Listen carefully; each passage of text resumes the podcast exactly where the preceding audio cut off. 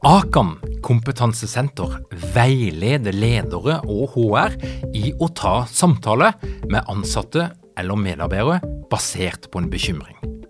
Akan setter ledere og medarbeidere i stand til å forebygge og håndtere en problematisk bruk av alkohol, narkotika, legemidler, spill eller doping blant ansatte. Ønsker du å lære mer om god forebygging og gjennomføring av samtale med en som du er bekymra for? Da kan du nå få tilgang på Akan sitt digitale samtalekurs til spesialpris, kun 760 kroner. Målet med kurset er å gjøre deg tryggere i det som kan være en krevende, men viktig samtale å ta i lederrollen. Du får tilgang til kurset med å gå til samtalekurs.no, samtalekurs.no, og bruke kampanjekoden LEDERPODDEN. Tilbudet gjelder ut april.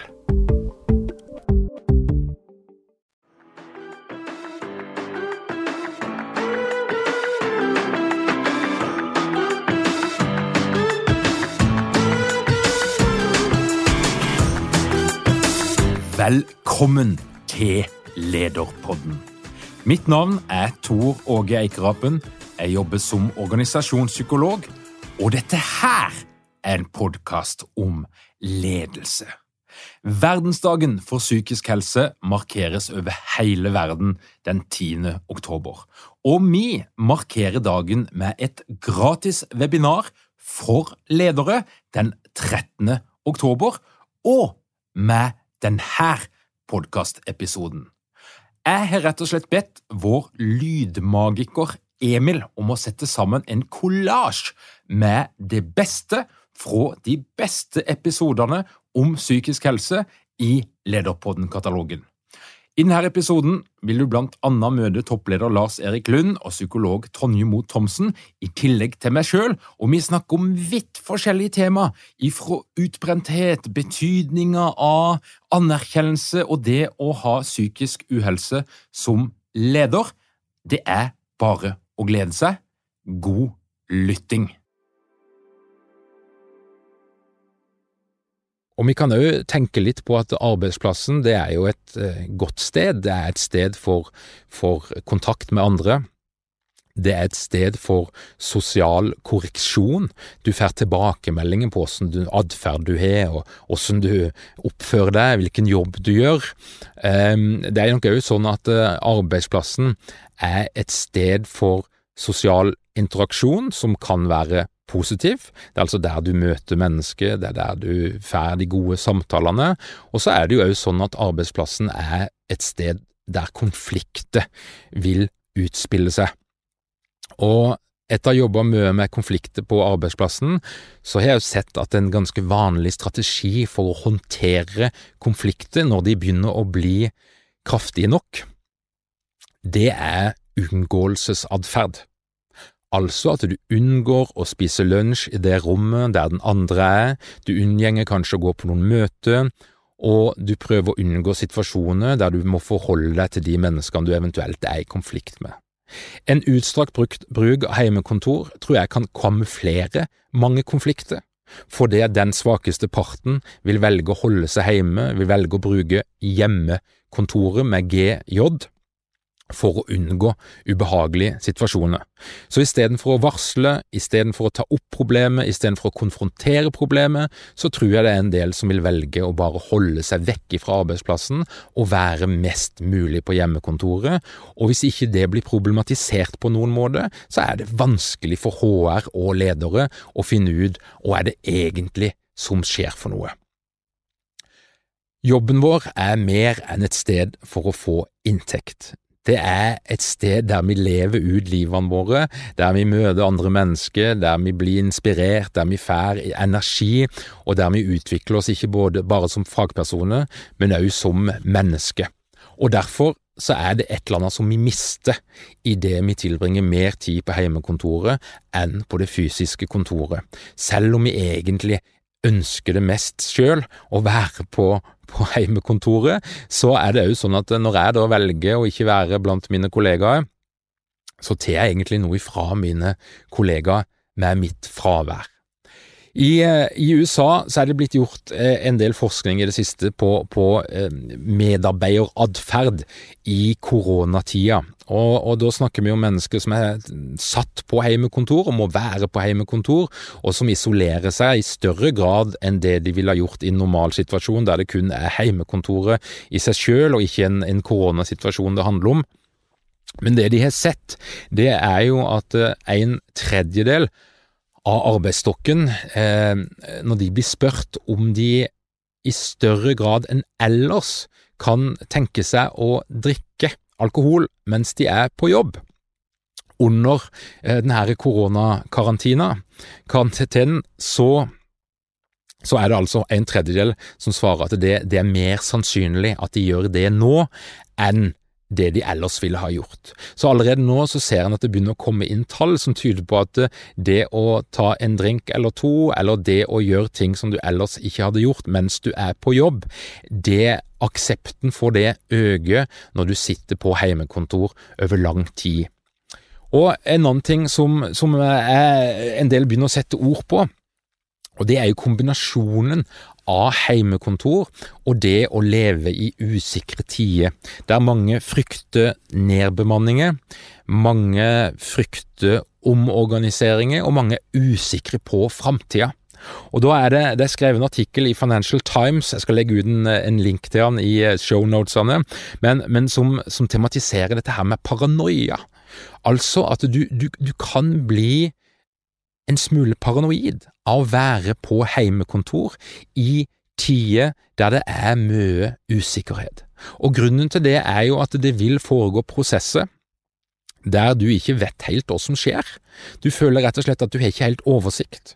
Og du greier heller ikke å få de her sosiale bekreftelsene som du fort kan få når vi er fysisk sammen, og vi har digitale videomøter, men det er ganske begrensa hvilken type informasjon som kommer gjennom de møtene. Og Derfor så er det da en del som rapporterer at de opplever en økt forekomst av paranoia, at folk begynner å få fantasier, mer eller mindre velbegrunna. Eh, folk begynner å frykte er det meg som skal miste jobben neste gang, eh, blir jeg holdt utenfor, hvordan skal jeg klare å posisjonere meg i et maktspill? Når jeg da sitter på heimekontoret. Og det er en, en, utfordring, og jeg tror nok at når det gjelder psykisk helse, så vil vi se at eh, virksomheter som skal legge til rette for storstilt bruk av heimekontor, de må òg legge inn et ganske annet gir når det gjelder å sikre den psykiske helsa til sine medarbeidere. For det er altså sånn at det er en masse fordeler med det å sette folk på heimekontor. På den andre sida så er det noen grunnleggende menneskelige behov, som blant annet handler om kontakt med andre og kommunikasjon med andre der vi bruker hele sanseapparatet, og de behovene blir ikke dekka på samme måten hvis du tilbringer mange av ukas arbeidsdager på et heimekontor. Jeg vet med meg sjøl at når jeg blir på mitt mest vanskelige, vrange og barnslige, det er jo når jeg er i en situasjon der jeg ikke opplever å bli anerkjent, der jeg ikke opplever å få den krediten som jeg mener jeg fortjener, der det er noen som sender signaler til meg om at ikke jeg er viktig, at ikke jeg er kompetent, at ikke jeg har det som trengs. Da blir jeg vrang og vanskelig. Og min erfaring som organisasjonspsykolog når jeg da jobber med, la oss si, konflikt lite såkalte vanskelige medarbeidere, ting som har gått galt. Der det er en person da som setter seg totalt på bakbeina og nekter å samarbeide, og egentlig blir ganske barnslig. Når man skal inn og analysere den situasjonen, så er det veldig ofte der svaret ligger. Det er en person som ikke er blitt anerkjent tilstrekkelig. Det er en person som ikke er blitt sett. Det er en person som ikke har fått sine forventninger møtt, og der det er en ubalanse mellom forventninger og behovet for anerkjennelse og det som kommer i andre enden. Og mennesker er jo forskjellige, så um, uh, vi kan jo godt snakke om at er det, har på en måte rett til anerkjennelse uansett hvor sterkt det behovet måtte være. For det er jo sånn at fra barndommen av så er vi utrusta med litt sånn ulike ting, og hvis du har et, en, en mangeltilstand der du aldri egentlig har fått den anerkjennelsen som du burde ha fått på tidlig stadie i livet, så kan det jo av og til utvikle seg til at du gjenger rundt med en konstant mangelfølelse eh, i hele livet. Det, det, blir aldri nok. Du får aldri nok anerkjennelse. Uansett hvor mye eh, gode meldinger du får på Facebook og likes og, og, tilbakemeldinger både her og der, så blir det liksom aldri nok. Så vi kan jo godt snakke om at noen kan ha en et usunt eller ubalansert behov for anerkjennelse, som, som, er litt vanskelig å komme i møte uansett hvor god leder du måtte være, og flott kollega du måtte være, eller flott partner du måtte være. Så det er ei side av saken. Men la oss nå snakke om der vi er i balanse, eller nei, forresten, jeg henger litt tilbake igjen, for det er interessant. Det som er interessant, er jo at her skal vi ikke trekke sånne kjappe konklusjoner, men det er nok en del høypresterende mennesker som nettopp er drevet av den mangelen på anerkjennelse i tidlig alder. De har vokst opp et, på et sted, som i, i Vennesla for eksempel. Jeg eh, gjorde jo det, og jeg drev ikke med eh, mopede i særlig stor grad. Eh, interesserte meg ikke for mekking og bil. Eh, nå var det ikke sånn at alle gjorde det der. Var heller ikke noe spesielt god i idrett. Eh, I håndballen så ble det kalt, sagt at jeg støta, var ganske udugelige på de fleste av de her prestasjonsarenaene. Eh, det var egentlig veldig få ting som jeg var veldig god til, og jeg var heller ikke spesielt god med det annet kjønn. Det å eh, tiltrekke meg damer og være populære der og sånn, det beherska jeg ikke i det hele tatt. Eh, det var minus i karakterboka. Og da kan det jo tenkes da, at hvis du vokser opp på et sånt lite sted, og så har du en følelse av at nei, du ble aldri helt sett eller anerkjent for den du var, eller dine kvaliteter var ikke så viktig der, så kan du jo ta med deg en sånn her følelse. Og, og, hvis du plusser på med litt mobbing, og det, skal, det, er ikke på min historie, men la oss nå være litt sånn hypotetiske, hvis du plusser på med litt mobbing og dårlig behandling i det lokale miljøet du vokser opp, så kan jo det gå mange veier. Det kan gå skikkelig dårlig. Og så er det jo eksempler på at noen bruker det som en motivasjonskraft som er vanvittig. Og det tenker jeg vi skal ikke undervurdere kraften i det å ville gi noen fingeren. Kraften i det å ville vise noen at se her, jaha, se hva jeg kan få til, bare jeg kommer ut av denne drittbygda.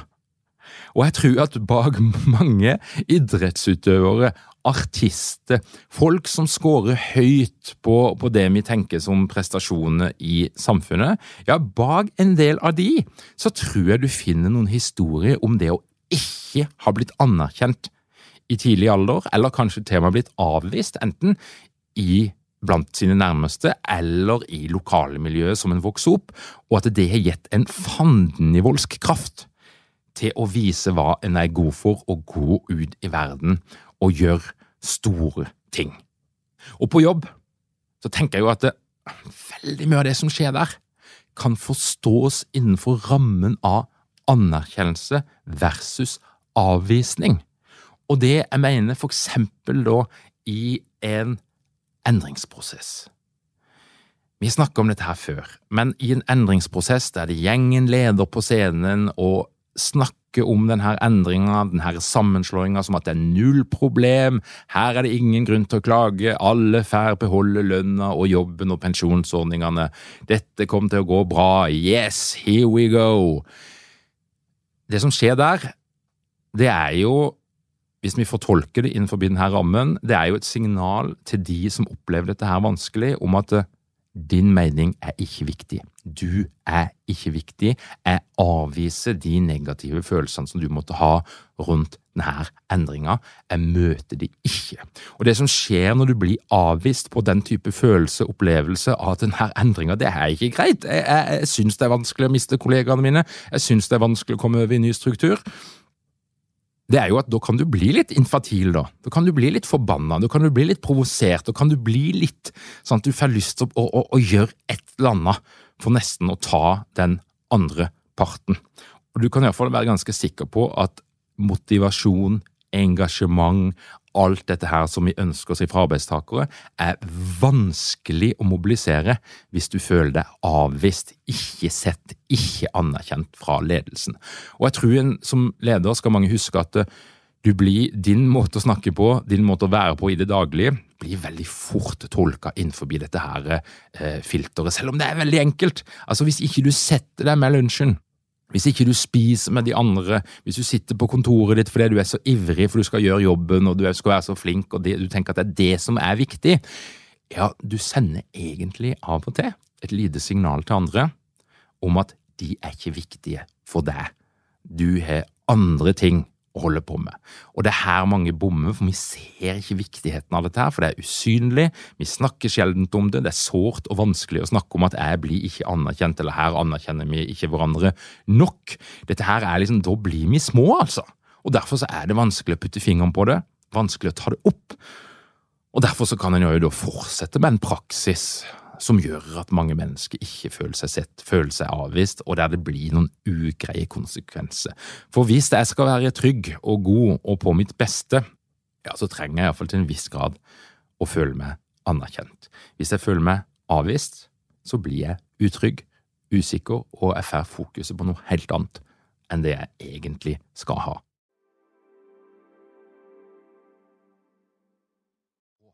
Men hva er det vi snakker om? Ja, når vi snakker om lettere og moderate psykiske helseplager, så er det tre eh, diagnosekategorier. Det er angst, det er depresjon, og det er utbrenthet. Og så skal jeg love deg at det er ikke alltid de her kategoriene er like lette å skille, og av og til så kan vi rett og slett ha full pakke, alt på en gang. Men for å skille det litt da, ifra det mer alvorlige, så er det andre typer diagnoser, sånn som bipolar lidelse, schizofreni, personlighetsforstyrrelse. ADHD er en litt annen eh, kategori. Det er ikke en psykisk lidelse, men kaller det for en utviklingsforstyrrelse, så det er noe litt annet. Eh, selv om det òg kan for så vidt handle om, om psykisk helse, så er det noe litt annet. Det er både fordeler og bakdeler med diagnose, men la oss begynne med angst. Angst er jo en naturlig mekanisme som vi alle har i oss. Altså, det er fornuftig å bli redd når du ser at det er en, en trailer som kjører mot deg i 120 km i timen. Det er naturlig å kjenne litt at du er litt redd når du tar opp et huslån som du ikke er sikker på om du kommer til å klare å håndtere. Og det er mange situasjoner i livet der angstfølelsen, frykten, er på sin plass. Men når vi snakker om angst, i denne sammenhengen her, så snakker vi jo om en veldig kroppslig fryktreaksjon som vi ofte ikke klarer å relatere til noe spesielt. Altså, Noen har fobier og den type angst, men når vi snakker om den angsten som det er mest av på sykemeldingssedlene, så er det jo ofte den generaliserte angsten, GAD, som altså handler om en kroppslig uro, en fryktreaksjon, men som ikke knytter seg til en spesiell hendelse eller noe som du kan peke ut, men du er bare aktivert, og det er veldig fysisk. Og For noen så gir det seg utslag i at du svetter om natta, du er så urolig at du fær ikke sove, og det er altså som å være i en konstant fryktreaksjon, men, men, men bare at når vi er det til vanlig, så synker jo denne aktiveringa ned igjen på et greit nivå, mens når du har angst, så er du da aktivert store deler av døgnet, og det er slitsomt for kroppen. Og Det gjør òg at det er vanskelig å konsentrere seg. Det er ofte vanskelig å, å tenke klare tanker, for denne uroen preger hele systemet vårt og til litt sånn å, å kapre oppmerksomheten vår. Det er vanskelig å, å konsentrere seg dypt på andre ting hvis hele kroppen din er urolig, og du vet ikke hvordan du skal kunne roe ned. Eh, og du, du vet heller ikke hva du skal fjerne ifra livet ditt for å få det bedre. Så angst, eh, hvis jeg skal enkelt forklare hva det er for noe, så er det altså en, en kroppslig uro som kan være intens og være veldig sterk, men som ikke du klarer å relatere til noe veldig konkret.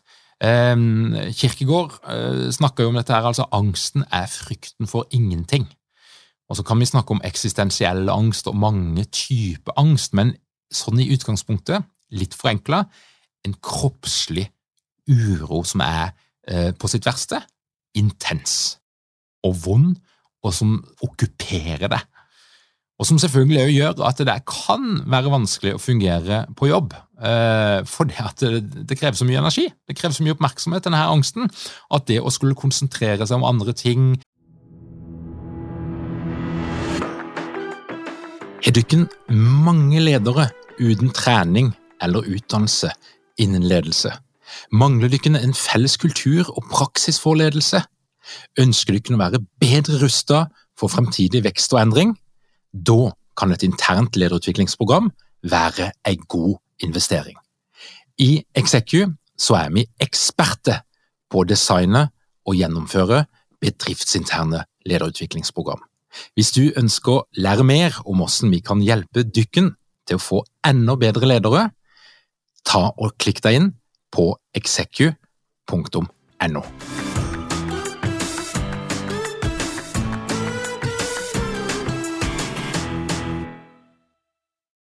Det å skulle fremstå som glad, imøtekommende, serviceinnstilt, eh, kreativ, det tror jeg er veldig, veldig vanskelig hvis du virkelig eh, har fått angst og, og det sitter godt i det. Og så er det noen som vil si at distraksjoner er bra, og det å gjøre noe annet og tenke på noe annet kan være veldig bra. Altså, hvis du hele tida har tid til å fokusere på angsten, så, så blir det bare en, en ond spiral. Så det er mange tilnærming til dette her. Eh, veldig få fasiter, og folk opplever det forskjellig, men i utgangspunktet noe som krever mye mentalt og fysisk, og som du, selv om du skulle ønske det, så klarer du altså ikke å slå det av. Depresjon, det er jo eh, kanskje halvbroren eller eh, fetteren, eh, og av og til broren eller søstera til angsten. Eh, de har jo en tendens til å dukke opp i par, eh, men rent diagnosemessig så, så skiller det da fra hverandre. Men depresjonen, sånn som det er definert, handler jo litt mer om tankene dine. Så det er angsten om det kroppslige, depresjonen om tankene dine triste tanker, negative tanker om deg sjøl, om fortida, om framtida, om nåtida, og du har på deg noen briller som ser verden med noen særdeles grå filter, der det er eh, vanskelig å bli glad, selv om du Eh, selv om alle dine sånn materielle drømmer skulle bli oppfylt, å, du fikk den bilen, eller du fikk den hva det måtte være for noe, eh, og, og andre ting altså, som du ønska deg, selv om det skjedde, full julaften for voksne, så gjør det ingenting med humøret ditt. Du klarer ikke å kjenne på glede, du klarer ikke å glede deg til noe, du klarer ikke å se det lyse du er omgitt av, selv om du har det veldig tett innpå deg, og det er akkurat som det er ingenting av det som skjer utenfor deg sjøl, som kan påvirke deg eller gjøre en positiv forskjell. Og depresjonen, eh, der er det jo òg eh, mange som har prøvd seg å kurere det med å si skjerp deg, ta deg sammen. Men det er jo nettopp det som er problemet når vi snakker om psykisk uhelse, at du klarer ikke sjøl å gjøre noe med det. Du føler deg maktesløs, du føler at du mister kontroll, at depresjonen flytter inn i deg. Og det er en håpløs situasjon å være i. Og Hvis du da kombinerer det med angst, så er det klart det er i en del jobber der det er vanskelig å fungere optimalt. Det betyr ikke at du ikke kan gjøre noe som helst, men, men, det er vanskelig å fungere optimalt hvis du kjenner på, på, både den kroppslige uroen og de depressive tankene, og dette her ligger, ligger veldig tett på deg, så, så er det utfordrende å fungere optimalt i en del jobber. Men igjen, det finnes massevis av eksempler på folk som klarer å håndtere det på en måte òg, men, men eh, Og det kommer an på hvilken type jobb du har, hvilke krav det er, eh, mange hensyn å ta, men i utgangspunktet, hvis du har liksom sterk angst og sterk depresjon, enten sammen eller hver for seg, så vil jeg tenke at mange typer jobber er det vanskelig å fungere ordentlig. Spesielt hvis det handler om at du skal tenke, du skal kommunisere med andre, du skal framstå på en viss måte. Det kan være krevende. For eksempel å være eh, motiverende foredragsholder. Samtidig som du kjenner på en angst som holder på å spise deg opp, og du er deprimert og egentlig eh, syns at alt er trist og leit, og det finnes ikke et snev av motivasjon i deg sjøl, ja, da skal jeg love deg at det er ikke den beste jobben å ha i det hele tatt.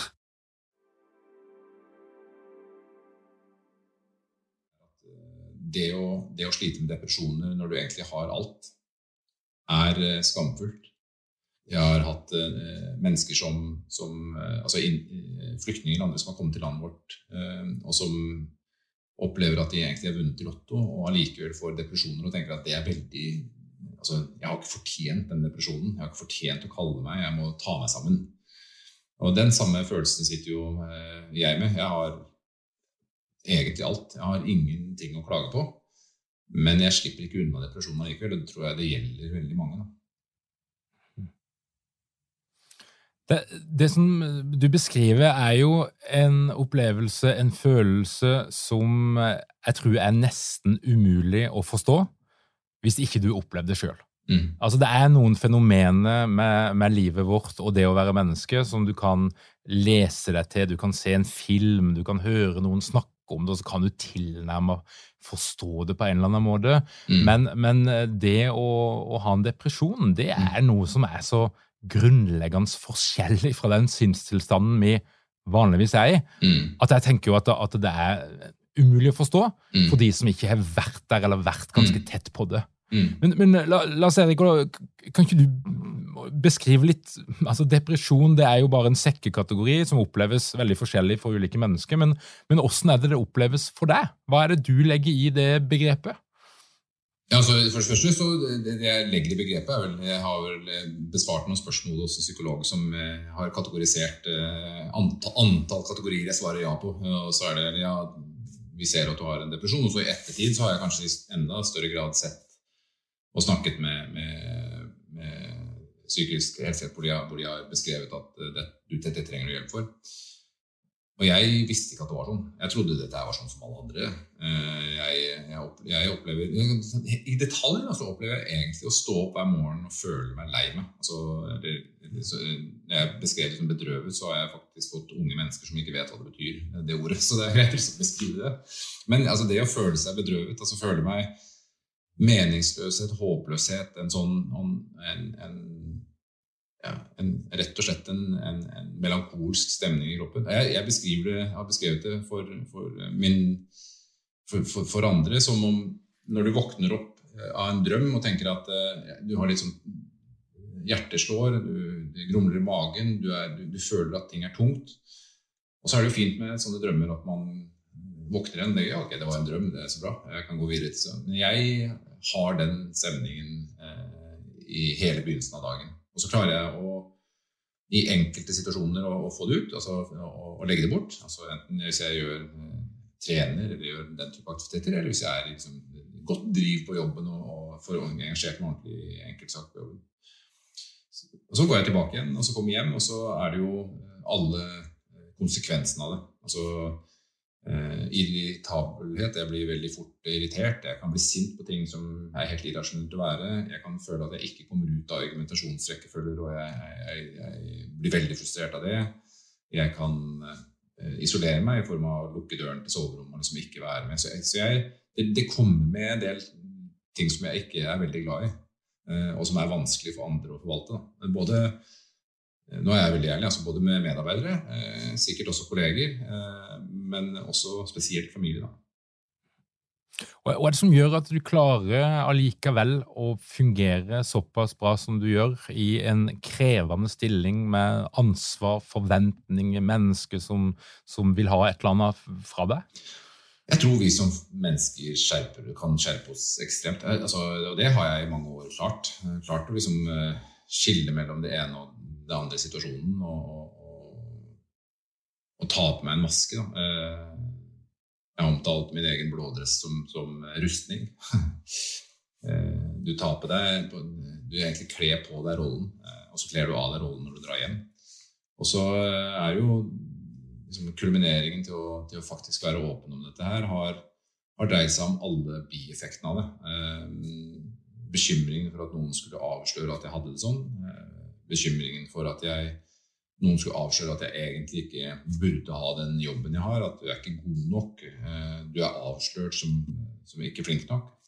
Alt dette er jo elementer av, av konsekvenser av den samme eh, aktiviteten som jeg må jobbe med. Det er ikke sånn at det, snap, så er jeg ute av det, nå er jeg en glad gutt igjen. Jeg har også perioder hvor jeg er gode dager, og, og tidligere har jeg hatt gode dager hvor jeg, hvor jeg egentlig tåler å ha en god dag. Nå er en god dag hvis jeg våkner glad, så sitter jeg heller egentlig og, og venter på at jeg skal bli lei meg.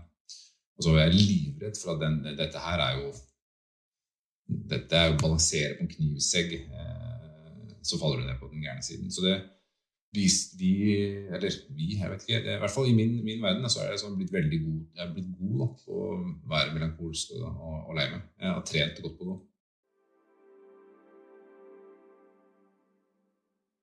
Utbrenthet relativt ny som eh, diagnose, men eh, et begrep som vi forholdt oss til, til, lenge, og som mange er sikkert kjent med.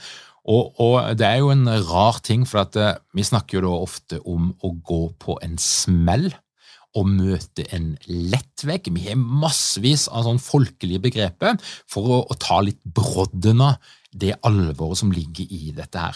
Og Det er nok sånn at det er mer sosialt akseptabelt å være utbrent enn deprimert og engstelig. For Hvis vi er utbrent, så ligger det implisitt en idé om at vi kan koble mot jobb, og at det er liksom noe litt utenfor oss sjøl som har skylda, og da er det ofte lett lettere å prate om det. Så det er, Selv om du egentlig er deprimert, så er det lettere å si at det er utbrent, for da er du egentlig en veldig flink person som har gjort ditt beste, men så har kravene blitt for høye, og det er ikke noe du kan legge på deg sjøl. Og det er det jo ikke uansett, men, men, det er bare sånn det fungerer. Men utbrenthet er jo noe helt spesifikt, og, og min opplevelse er jo at jeg, jeg har nok kanskje blitt overraska noen ganger opp igjennom når jeg har møtt folk som er virkelig utbrente, for det er eh, noe vesentlig annerledes enn angst og depresjon, selv om det, kan, det ene kan føre til det andre, og, og, og, det kan være symptomer som forekommer samtidig, så er jo utbrenthet den herre tapperheten for energi. Mange føler seg jo emosjonelt utbrent. De kan føle at de blir litt kyniske. altså De klarer ikke å håndtere andres følelse, heller ikke egne følelser. Um, og for noen skal det få de, de, noen meget uh, fysiske utslag. Så er stress er jo på en måte en menneskelig reaksjon, der hvor psykologi og biologi møtes veldig. Sånn at det, det, det, det ofte Eller definisjonen på stress som sådan, hvis jeg bare Jeg tror jeg bare må begynne der.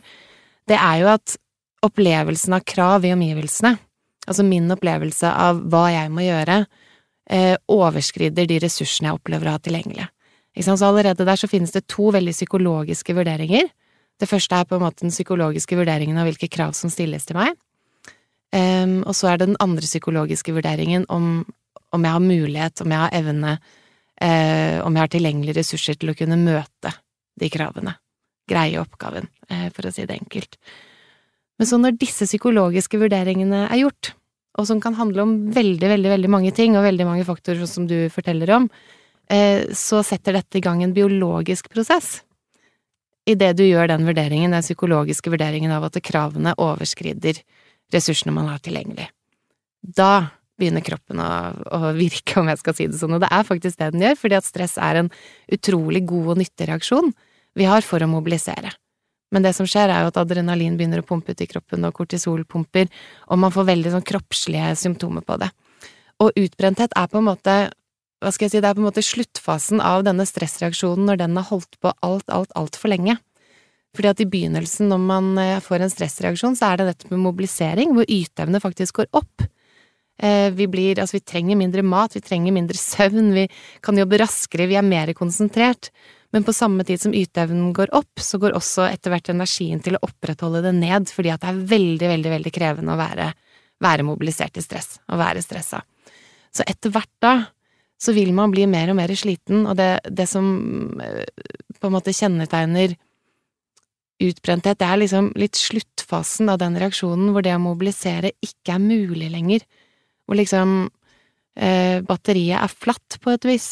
Eh, sånn generelt så kan vi si at det å være skrudd på, altså at stressystemet er skrudd på over tid, vil gjøre nesten alle utbrent til slutt. Og så kan det variere hvor lang tid det tar, og hvis vi bruker kokeplatmetaforen, da, hvorvidt man på en måte over tid står på seks, syv, åtte, ni, eller om man står på to, tre, så vil det variere i tid. Men det som også er veldig, veldig sikkert, det er jo at det som gjør person A utbrent, ikke nødvendigvis er det samme som gjør person B utbrent. Sånn, sånn at for en leder å skulle finne ut av Altså, det vil aldri være en, en oppskrift på hvordan alle i organisasjonen eller alle man har ansvar for, ikke skal bli utbrente. Og nettopp fordi at det, noe av det som utløser stress, er veldig mye psykologi. Altså det er psykologiske vurderinger av um, kravene som stilles til meg, og om jeg har ressurser til å møte dem, så vil enhver opplevelse av stress også være veldig knytta til hvem den personen er, og også hva de psykologiske temaene til den personen er. Ikke sant? Sånn at det, de du nevner nå som er de flinke, de kan godt være veldig, veldig flinke og være høye på kompetanse og, og være utholdende og eh, ha god kapasitet på mange måter, men de kan også være av de som har de høyeste kravene til seg selv.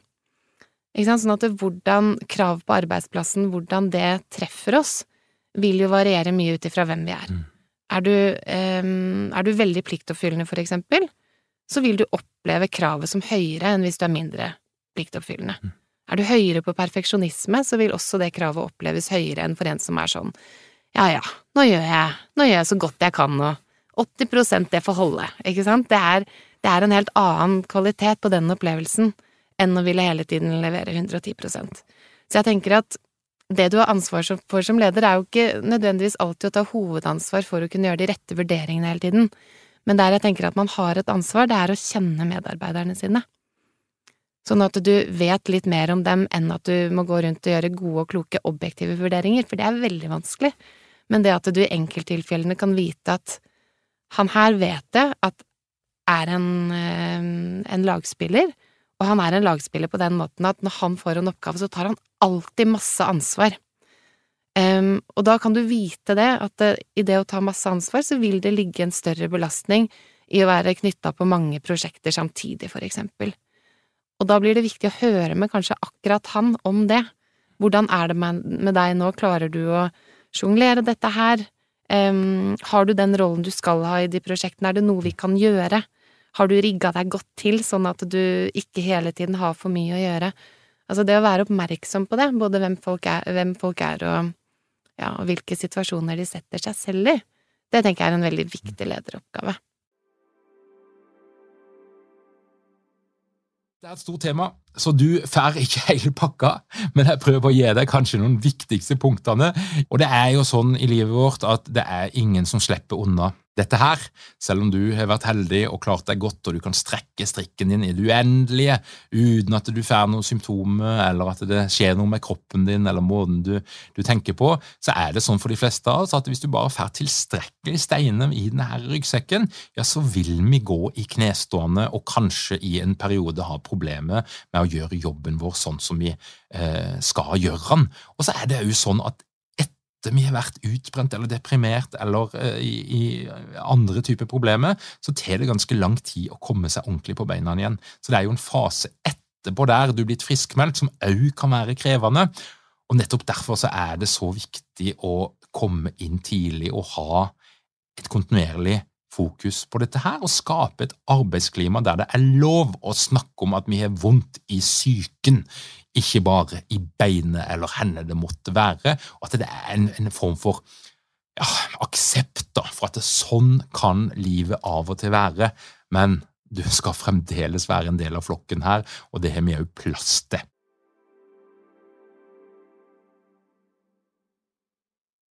Ønsker du å få med deg alt vi gjør i Lederpodden, samt få vårt nyhetsbrev rett i postkassa hver eneste fredag, da kan du gå inn på lederpodden.no og trykke på den rette knappen. Husk, det er fremdeles mulig å melde seg på vårt gratis webinar om psykisk helse på jobb og hvordan du møter det som leder, og det gjør du på execu.no psykisk helse, execu.no psykisk helse. Hvis du liker det du hører på Lederpodden, husk å rate oss, da kan flere oppdage oss. Og igjen, takk for at du hører på Lederpodden. Vi høres om ei uke.